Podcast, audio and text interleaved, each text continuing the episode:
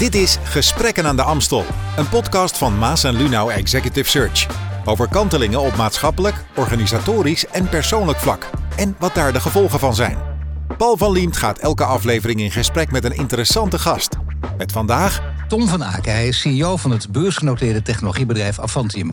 Nou, kort cv, eigenlijk een helder cv. Welkom Tom. We hebben afgesproken elkaar, we hebben eerder gesproken, dus we gaan elkaar tutoyeren. Dat zou gek zijn. In Frankrijk altijd foevoyeren, maar wij gewoon, je, kan hè? Gelukkig wel. Je bent heel lang CEO bij Avantium. Ook een reden eh, eigenlijk eh, om, om, om eh, jou te vragen, maar ook een, een reden om daarop door te vragen straks. Je bent ook werkzaam geweest bij DSM, Business Development, je deed ook sales. En er is één rode draad in jouw leven, dat is wel mooi, voordat we verder over je bedrijf ook gaan praten. Je bent wel iemand die ondanks, laten we zeggen, de mooie positie, een, een, een belangrijke CEO, hè, dat, is nou eenmaal zo, internationaal ook gekend en erkend, maar iemand die wel altijd tegen de gevestigde orde ingaat. Hoe zit dat precies? Ja, dat is een beetje volgens mij de aard van Avantium. We zijn een beetje de luis in de pels eh, van, de, van de chemische industrie. En ehm, ja, ik vind dat. ehm, misschien eh, is het ook wel iets wat een beetje bij mij past. Ik vind het niet erg om tegen die stroom in te roeien. En ehm, ik denk ook dat het heel hard nodig is om dingen te veranderen. Je bent ook bij, bij DSM ooit weggegaan, omdat je dat juist ook een wat te conservatieve omgeving vond, of niet?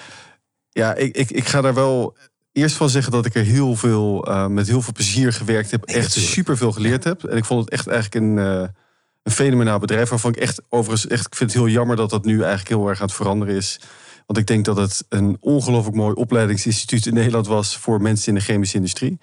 Maar je hebt helemaal gelijk. Ik vond het uiteindelijk te ja, bureaucratisch, te log, ehm, wat te langzaam. En te groot. En ik was op zoek naar iets wat kleiner, kleiner spannenders, eh, innovatiever. En ehm, ja, ik heb van die keuze heb ik eigenlijk nooit spijt gekregen. Nee, maar dat is wel interessant, hè, van die keuze. Want je leek echt eh, iemand die, je denkt, nou, die wil echt alle kanten op gaan. Ook internationaal voor DSM zat je volgens mij ook in New York en zo. Dus je hebt de hele wereld wilde je eigenlijk gaan bekijken. Toen kreeg je een telefoontje voor een Nederlands bedrijf dat je niet kende te gaan werken. Een biotechbedrijfje. Is, het- is het leuk of niet om te doen? En dan kies je toch daarvoor, uit, uit alle mogelijkheden. Ja, dat, dat, dat, dat- ik begrijp als je dat zo zegt van waarom doe je dat dan? Ehm, en ik, want ik kom uit Amsterdam en het bedrijf zat in Amsterdam. Ehm, maar dat, dat, ik, vond het, ik wilde met name eigenlijk gaan werken in een start-up bedrijf. En, en dat leek me het meest spannende. Dat dat in Amsterdam zat, vond ik eigenlijk een voordeel, want dat was een omgeving die ik goed kende. En eh, DSM zat natuurlijk toch meer in het zuiden van Nederland. Dat viel bij mijn vrouw ook niet helemaal eh, goed. Dus die was eigenlijk wel blij dat ik een, eh, bij een bedrijf terecht kwam in Amsterdam. En, ehm, maar de, het belangrijkste was eigenlijk meer gewoon een spannende, innovatieve, avontuurlijke omgeving. En ehm, ja, dat is wat Avantium mij gebracht heeft. En daarom ben ik, tot mijn grote verbazing, werk ik er nu nog steeds. Ik heb natuurlijk nooit gedacht in twintig jaar geleden, toen ik die eh, overstap maakte, dat ik nog steeds na twintig jaar bij Avantium zou zitten. Het, het, het- het- ik dacht, dat gaat een aantal jaar duren. En dan Dat is wel heel verder. bijzonder. Dat is wel heel bijzonder. Want 20 jaar, dan denk je, dat kan eigenlijk niet. En alle eh, studies wijzen daar ook op. Of je nou bij Harvard of in CEA, het maakt niet uit. Iedereen zegt, eh, eh, op zo'n plek moet je nooit langer dan acht, hooguit tien jaar zitten. En dat is ook begrijpelijk. En bijna altijd is het ook waar. En mensen willen ook vernieuwing. Zelfs als je het heel goed doet, je wil gewoon een ander gezicht zien. Ja, ja, kun je niet wegjagen, maar je, begrijpt, je zult het vaker gehoord hebben. Eh, ja, nou ja, het grappige was toen ik in 2005 eh, gevraagd werd om CEO te worden. ehm, toen was ik 35 en toen zei iedereen van... Oeh, dat is wel heel jong om dan Ja. CEO te zijn. Dus ehm, die vraag kreeg ik op een of andere manier eh, de laatste jaren niet meer gesteld. Maar ehm, op, het is ook niet zo dat ik dat heel erg... dat, dat heb ik wel vaker als ik naar dit soort podcasts luister... dat mensen dat helemaal doordacht hebben en gepland hebben. En dit soort dingen gebeuren natuurlijk eh, uiteindelijk, Paul. Dat is niet iets waarvan je zegt van... dit heb ik helemaal zo van tevoren bedacht. Nee, maar het lijkt een beetje in je karakter te zitten dat het wel voortdurend kriebelt. En dat je steeds toch om je heen kijkt. En dat je denkt, spannend, maar nu wil ik iets nog spannenders. Ja, maar wat ik met name, toen ik bij Avantium kwam, ik wilde met name mee gaan bouwen aan een bedrijf. En ehm, ik, ik kan me ook heel goed voorstellen dat op een gegeven moment, als je in een volgende fase komt, dat het dan logisch is om een andere leider eh, daarvoor aan te stellen. Ehm, maar op een of andere manier ben, ik meegegroeid met het bedrijf. Ehm, en ook in die volgende fases, eh, ja, hebben, he- ja, ik ben niet degene geweest die zelf bedacht heeft. eh, dat uiteindelijk is een raad van commissarissen en, en, aandeelhouders die besluiten van... is dit nog steeds de goede leider op dit moment? Maar ik ben eigenlijk meegegroeid in die opschaling. Uh, we zijn nu een totaal ander bedrijf dan dat we twintig jaar geleden waren.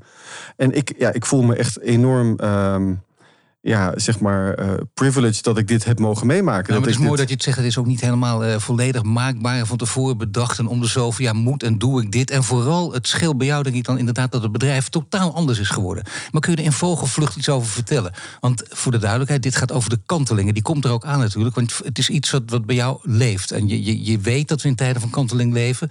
Doet iets met jouw leiderschap. Maar dan is het toch wel goed om te weten, uh, vogelvlucht, wat er met dat bedrijf van jou gebeurd is. Ja, nou, Avanti begon eigenlijk als een spin-out van, uh, van Shell. Um, en in 2005, toen ik CEO werd, hebben we ervoor gekozen om het bedrijf te richten op groene chemie. Dus op uh, het maken van chemicaliën, maar met name plastics op basis van um, plantaardige suikers en hernieuwbare grondstoffen.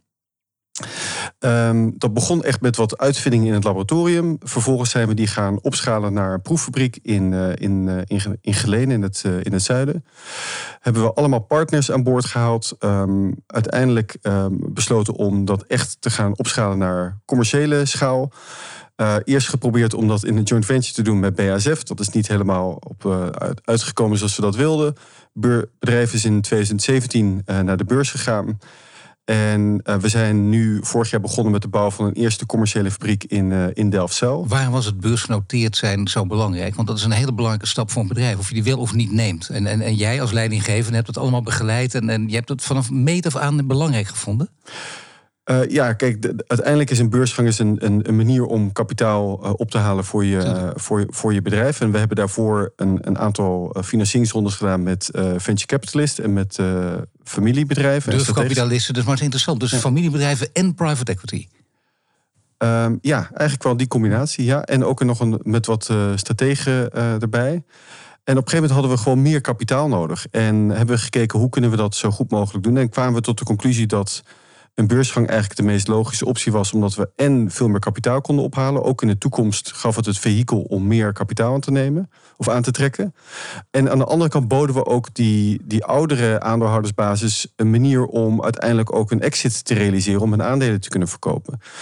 Um, dus dat is een beetje een bijzondere situatie voor een. Uh, er zijn denk ik wel heel veel, ja, zeg maar, venture capital-backed bedrijven die dit heel graag willen. Um, maar het, het, is een enorme belang, ja, belangrijke verandering voor je bedrijf, omdat je natuurlijk opeens een hele andere context hebt waarmee je moet voldoen aan allerlei regelgeving. Je staat opeens in, eigenlijk in het midden van allerlei uh, spotlights van de financiële markten. Nog dus, meer op je woorden let of niet? Absoluut. In jouw geval? Uh, 100 procent. Ja. ja. Nou ja, kun je voor, dat is toch interessant, want hier praat je toch redelijk vrij uit. Ik bedoel, uh, ik vergelijk het even met, met een vorige keer. En uh, toen uh, kon, was je nog niet beursgenoteerd. Dus dan denk ik ook, ja, dat, dat, dat maakt misschien iets uit, maar waar gaat het dan precies over? je, je, kijkt heel erg precies bij bepaalde onderwerpen naar wat kan ik hier wel zeggen en wat kan ik hier niet zeggen. Want je mag niet, wat je ten alle moet voorkomen, is dat er een aantal mensen zijn die meer informatie hebben over het bedrijf dan anderen. Dat, en daar wordt, daar wordt heel strak toezicht op gehouden. En ik ben dus helemaal ja, getraind, maar ook enigszins gebrainwashed.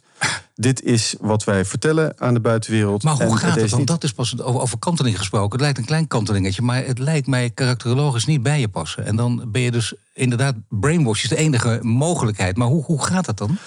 Nou ja, gelukkig is dat nu uh, zes jaar geleden. Dus ik ben daar gewoon inmiddels aan gewend. En in het begin doe je dat met mediatraining. Um, en uiteindelijk ook met mensen om je heen die je eigenlijk ja, de hele tijd jou aan herinneren van... Uh, als je die vraag krijgt, mag je dit zeggen, je mag niet dat zeggen.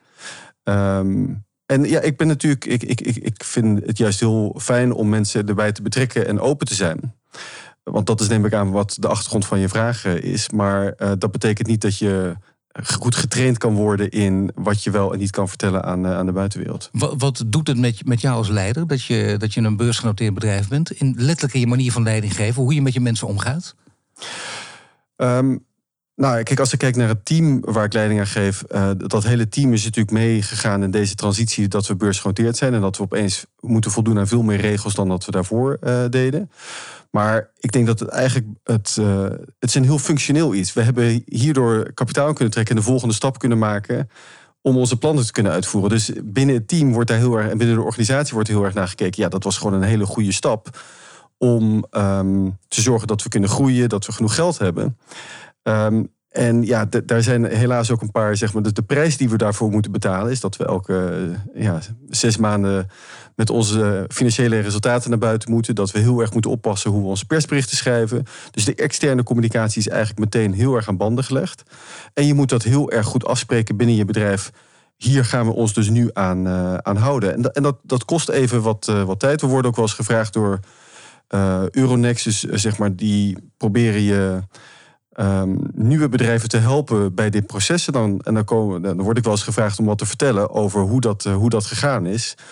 En waar je wel niet op moet, uh, moet letten. Want ik heb dat natuurlijk nu een keer meegemaakt. Dus ik weet ook heel goed wat die mensen ja, in, die, uh, in die fase voor hun beursgang doen. En waar ze moeten letten als, als ze een beursgang doen. En dat zijn enorme ja, belangrijke kantelingen.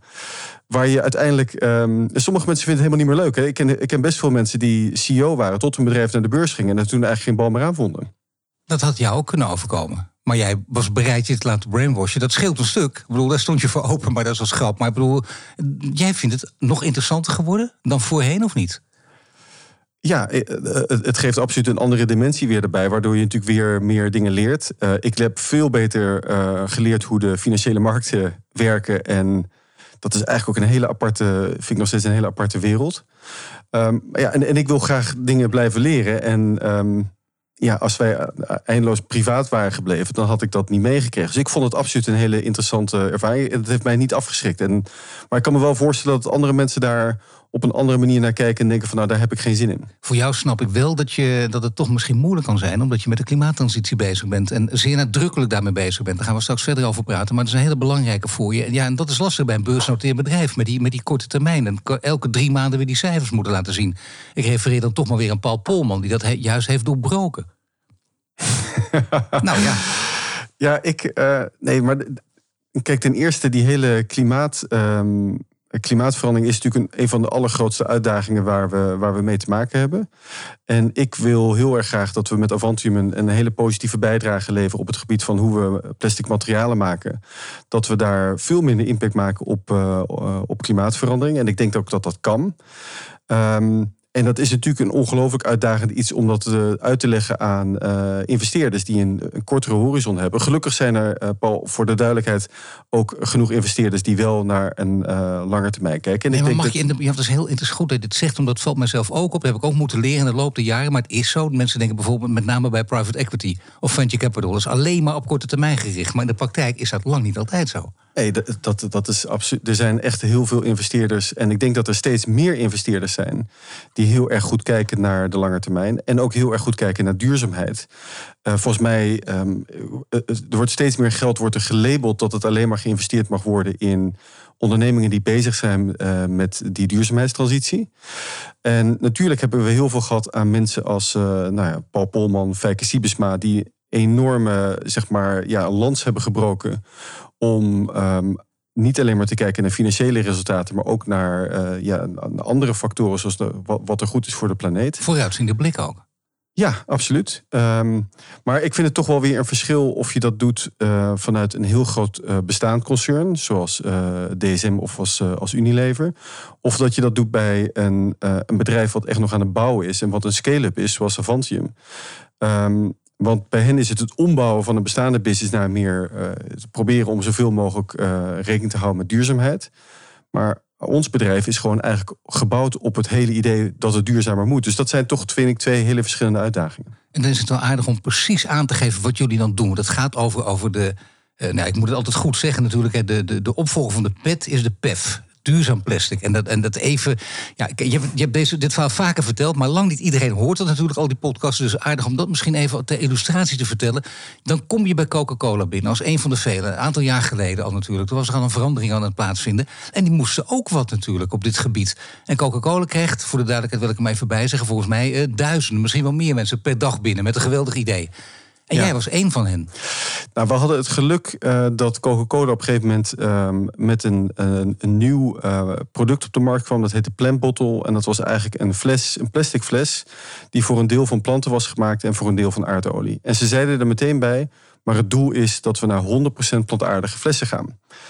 En ja, dat was precies waar wij mee bezig waren. Dus ja, als, als ondernemer, believe me, je moet af en toe gewoon echt geluk hebben Dus wij zagen dat langskomen en dachten van, maar ja, dat is precies wat wij aan het doen zijn. Dus we zijn in het vliegtuig gestapt naar uh, Atlanta gegaan om te praten over ons, ons nieuwe materiaal, wat PEF is, wat volledig gemaakt wordt van planten. Dus maar dat ging wel vanzelf. Zo liet, ik bedoel, het was niet moeilijk om daar binnen te komen. Nou, de eerste keer werden we netjes ontvangen, hadden een, hele mooie PowerPoint-presentatie. Ehm, en er werd, uh, er, werd, uh, er werd heel vriendelijk naar ons geluisterd.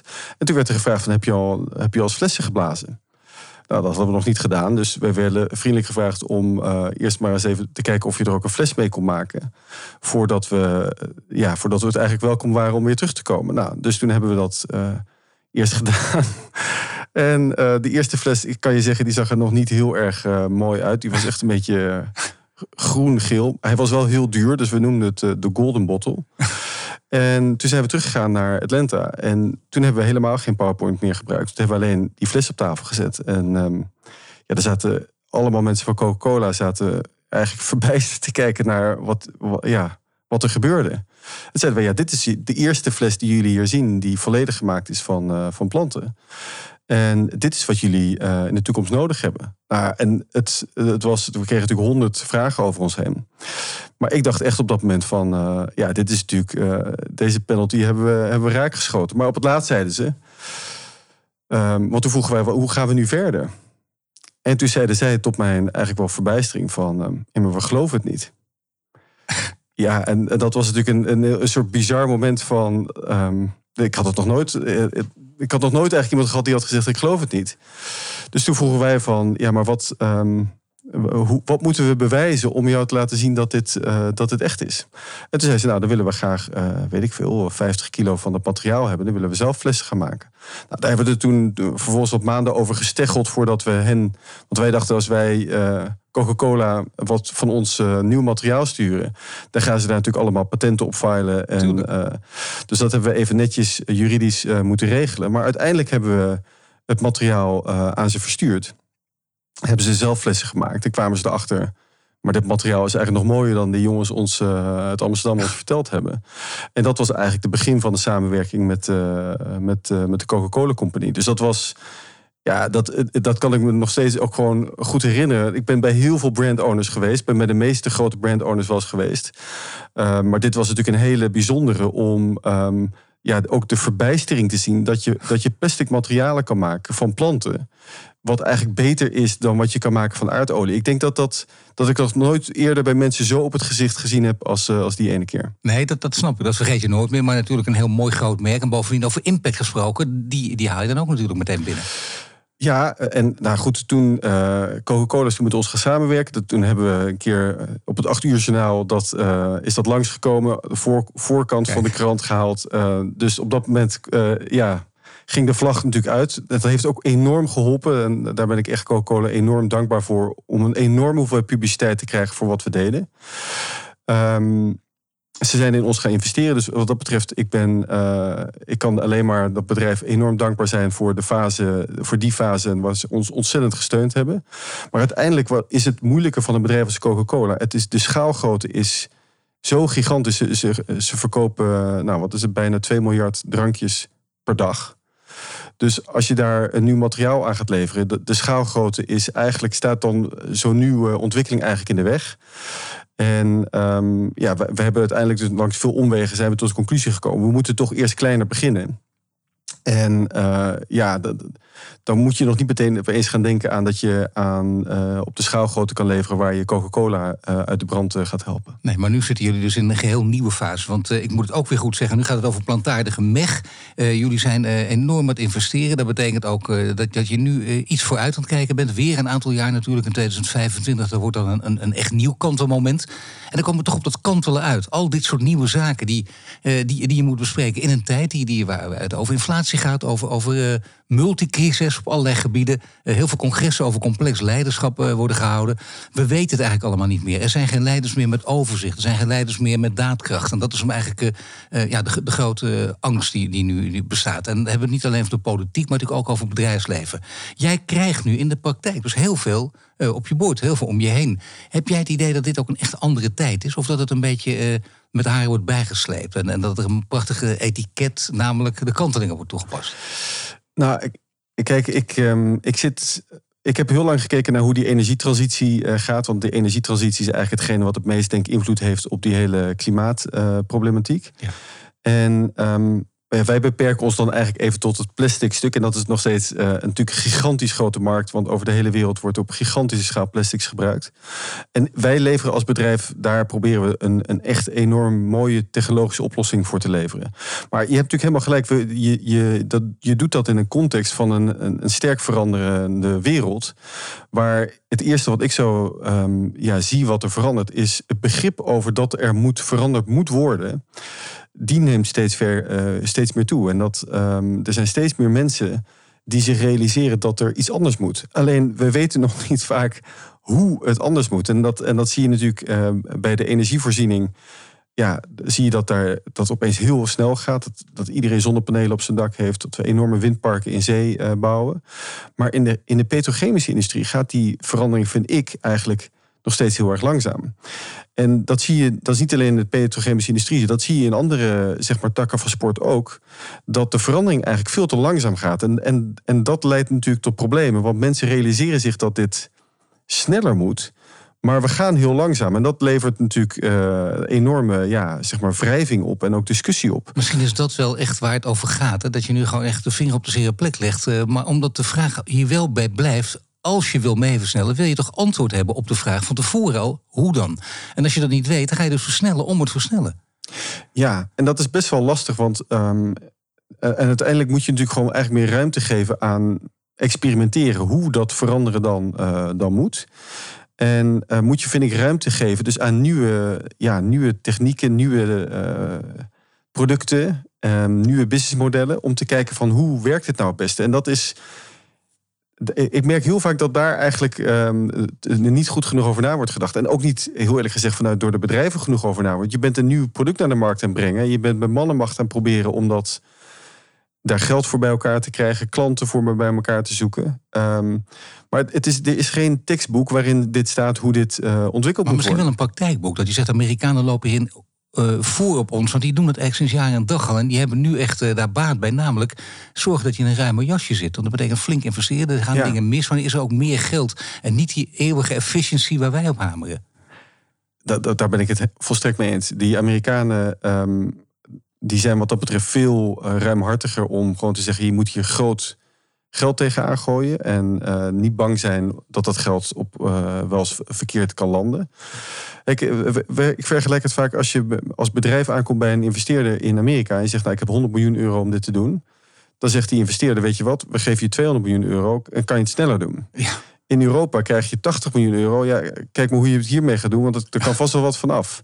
Nou, en guess what? Degene in Europa gaat het dus, ja, uh, wordt heel aan een heel kort lijntje gehouden, heeft heel weinig bewegingsvrijheid.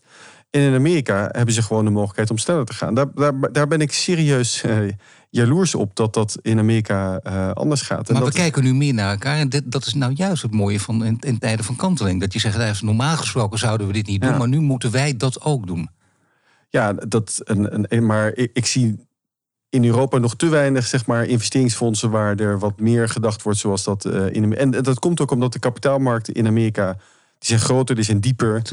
Um, en um, ja, dat is echt een gemis in, uh, in Europa. En de, in, de biotechkant zie je dat er heel veel bedrijven daarom dus eigenlijk ja, vluchten naar Amerika om toegang te krijgen tot kapitaal. En dat is natuurlijk wel heel jammer. En helemaal op het gebied van duurzaamheid is het bewustzijn van duurzaamheid in Europa. Daar lopen we echt heel ver voor op die Amerikanen. Ja, goed, maar de Amerikanen hebben natuurlijk inderdaad die, eh, die ERA, die, die hele mooie uh, act. En dat betekent heel veel groene subsidies. Is het voor jullie ook een mogelijkheid? Of mag je dat niet zeggen? Uh, nee, zeker. Want kijk, als je kijkt uh, waar je een fabriek gaat bouwen, dat is een hele zakelijke afweging. Um, en als jij meer uh, financiering kan krijgen in Amerika, dan zou je een fabriek in Amerika bouwen. En ga je dat niet doen in, in Europa. Maar jullie hebben een eigen fabriek in Delfzijl gebouwd. Een volgende fabriek die zou gebouwd kunnen worden ergens in Colorado, ik noem maar wat? Ja, daarvoor ga je absoluut. En overigens, het is niet alleen maar dat er geld in Amerika uh, is. Nee. Er geldt natuurlijk ook in andere delen van, ja. uh, van de wereld. Maar nee, maar dat is een hele zakelijke afweging. En uh, daar komen geen nationalistische gevoelens uh, bij kijken. Dat, dat is gewoon wat is de beste plek om het te doen. En waar helemaal bedrijven die uh, ja, beperking hebben tot beschikbaar kapitaal, die zullen dus heel erg goed kijken naar waar ze financiering rond kunnen krijgen. In die petrochemische industrie draait het voortdurend om uh, recycling. Dat is heel erg belangrijk. Maar dat is niet genoeg. Jullie willen een stap verder zetten. En dan krijg je te maken inderdaad met, met de rode draad in jouw leven, de gevestigde orde. En ook dan weer, dat, dat juist op, op, in een tijd waarin mensen niet precies weten hoe, kanteling toch maar weer, want dat is het dan.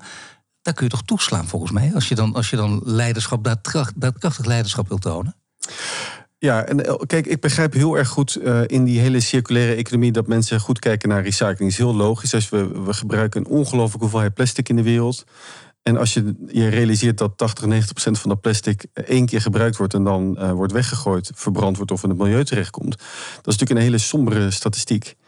Um, dus het is heel logisch om te zeggen, nou laten we eens even gaan kijken of we dat kunnen recyclen ik, ben er wel wat sceptisch over waarom dit verhaal wordt eigenlijk al 50 jaar verteld. We moeten meer gaan recyclen. En zo heel veel meer eh, plastic wordt er nog steeds niet gerecycled, ondanks alle aandacht ervoor is. En, maar recycling is natuurlijk in principe een ongelooflijk goede en logische oplossing. Het enige is, um, het, het, suggereert soms dat mensen denken dat alle plastic eindeloos gerecycled kan worden. Maar de meeste materialen die we gebruiken zijn helemaal niet goed recyclebaar. En um, daarom is het alleen recyclen als, als een als grote brandowners zeggen wij gaan alleen recyclen en dat is onze oplossing om circulair te worden, worden, ja, dan weet je al meteen, dit gaat dus nooit echt circulair worden. Want er blijven altijd nieuwe verse grondstoffen nodig om dat uh, rond te krijgen. En als dat aardolie is, dan blijf je dus elke keer weer een nieuwe vervuiling aan het milieu. Maar is het zo dat de petrochemische industrie dat niet ziet? Of dat de petrochemische industrie er geen belang bij heeft dat je verder kijkt, zoals jij of jullie bijvoorbeeld doen, en dat je dan ook af en toe wordt tegengewerkt? Uh, nou, de, de, de, belangen zijn natuurlijk heel erg uh, om bestaande business te, be, te beschermen. Maar ik kijk eigenlijk dan met name naar de grote brands uh, die, die dit doen. En daar verwacht ik dat. Um, dat die echt tot inzicht komen. Wacht even, alleen recycling is niet genoeg. Recycling is hartstikke goed. Maar je moet dat in combinatie doen met hernieuwbare grondstoffen. Want dan pas wordt het echt compleet. Ja, maar ook beschermen begrijp ik ook wel. Maar kijk naar Shell. Ik bedoel, op een gegeven moment word je zelf ook op de vingers getikt. Dat, uh, dat recht die op, op de vingers tikt. Dat iedereen uh, zaken tegen je gaat aanspannen. Daar, is, da, daar heb je deze kantelende tijd ook voor natuurlijk. Dat, dat gebeurt in het verleden veel minder. Dus ja, je zult toch iets anders moeten gaan doen dan je in het verleden deed. Andere manier van denken misschien erop loslaten. Maar dit is precies wat ik bedoel dat uh, de wereld aan het veranderen is. De, de druk, het begrip dat er veranderd moet worden, die druk wordt steeds groter. En dan krijg je dus steeds meer de druk van de maatschappij en van de financiële markten van je klanten om te veranderen. Het enige is, je moet niet vergeten, die petrochemische bedrijven zitten natuurlijk ook iets wat gevangen in hun eigen business. En uh, er zijn ook weer investeerders die heel graag willen dat daar heel veel geld mee wordt verdiend. En dwingen ze eigenlijk om meer olie te, te blijven pompen. En ja, zo houdt het systeem zich in stand. Maar, maar zo hou je elkaar ook gegijzeld. Hè? Je kunt die discussie ook aangaan. Ja. er is misschien inderdaad ander leiderschap voor nodig. En, ik, en de, de vraag is dus, waar komt dan de, de verandering vandaan? Als je ziet dat de maatschappij dus daar steeds meer unhappy van wordt en steeds meer druk gaat uitoefenen, dan ga je natuurlijk eh, zien dat er scheuren komen in het systeem. En ik denk dat we daar nu eigenlijk um, ja, zeg maar, uh, getuigen van zijn dat, dat dat aan het kantelen is. Maar dat is heel groot dat je nu zegt. Dat betekent echt letterlijk een systeembreuk.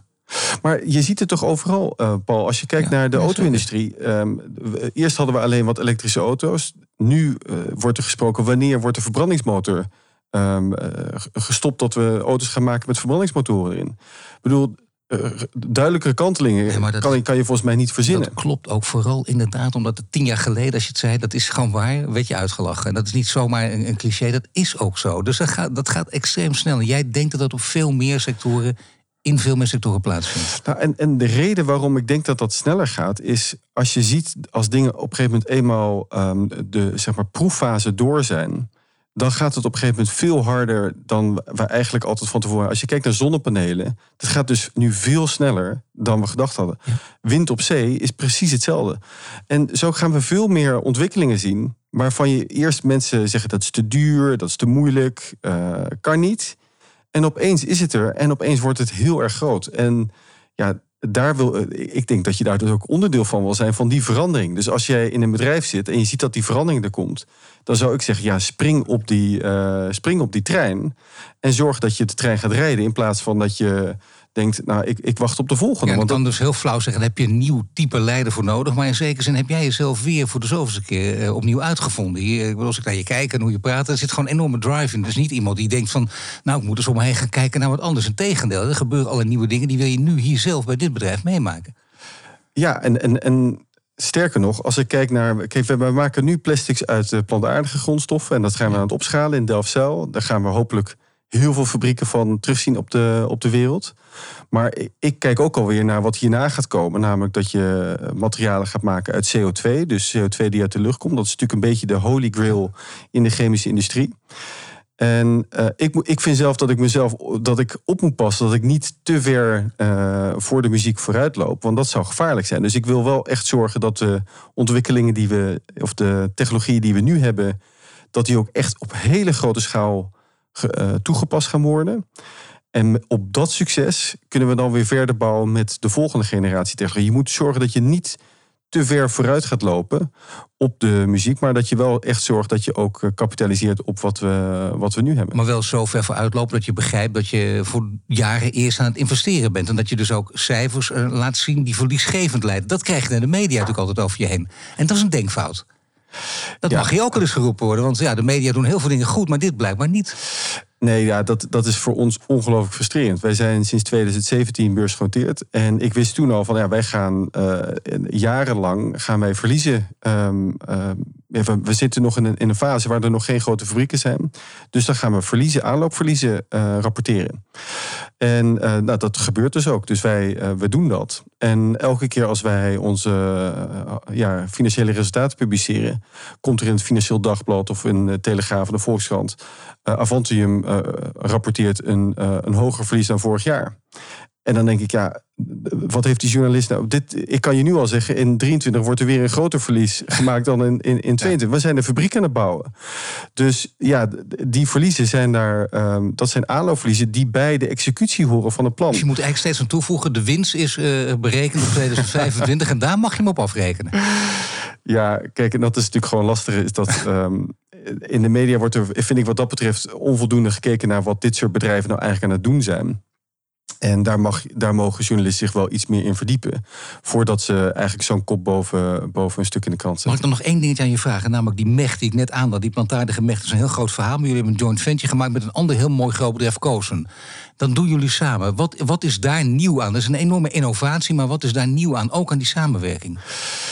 Ja, kijk, het, het grappige is natuurlijk als je kijkt naar de chemische industrie, haalt eigenlijk altijd gewoon de grondstoffen bij uh, de, de olieraffinaderijen. De olie-gerelateerde producten heet het altijd, ja. Ja, en um, de nieuwe chemische industrie gaat die grondstoffen ergens anders ophalen, namelijk bijvoorbeeld in de landbouwsector. En dat betekent dat je moet samenwerken met, uh, met landbouwcorporaties zoals Kozen. Die maken op hele grote schaal in Nederland en in België maken die uh, suikerbieten. Dat is een van de gewassen die ja, het in de grond in Nederland gewoon heel erg uh, goed doet. Het kan op een hele grote en duurzame en economische manier gedaan worden. En wij gaan die suikerbieten als suiker, dus die suiker als grondstof gebruiken om chemicaliën van te maken. Om uiteindelijk dus ook weer plastic materialen van te maken. En het is natuurlijk gewoon wat dat betreft heel leuk dat er, mooi dat er een chemisch bedrijf is wat gaat samenwerken met een, uh, een coöperatie om uh, die gewassen van het land hier uh, lokaal te halen en daar dan dus op lokale, ja, lokale schaal plastics van te gaan maken. Om te zorgen dat we afkicken van die um, ja, zeg maar plastics die we nu maken uit, uit aardolie. Oké, Tom, jij zei aan het begin van dit gesprek dat, uh, dat je vindt dat het kantelende tijden zijn. Dat heb je ook waargemaakt. Je geeft ook aan hoe je daar met ander leiderschap naar kijkt. Je vertelde ook dat, uh, dat heel lang geleden uh, je vrouw tegen je zei: Fijn dat, dat je van DSM naar, naar Amsterdam toe gaat. In ieder geval die stap gezet hebt. Is er in je persoonlijk leven ook wat gekanteld of heb je nog steeds dezelfde vrouw? nee, ik heb nog steeds dezelfde vrouw Kijk. die. Nee, dat, de, en die heeft overigens wel die andere kantelingen allemaal in uh, mijn loopbaan ook uh, meegemaakt. Um, en, en ook, ook de brainwashing fase?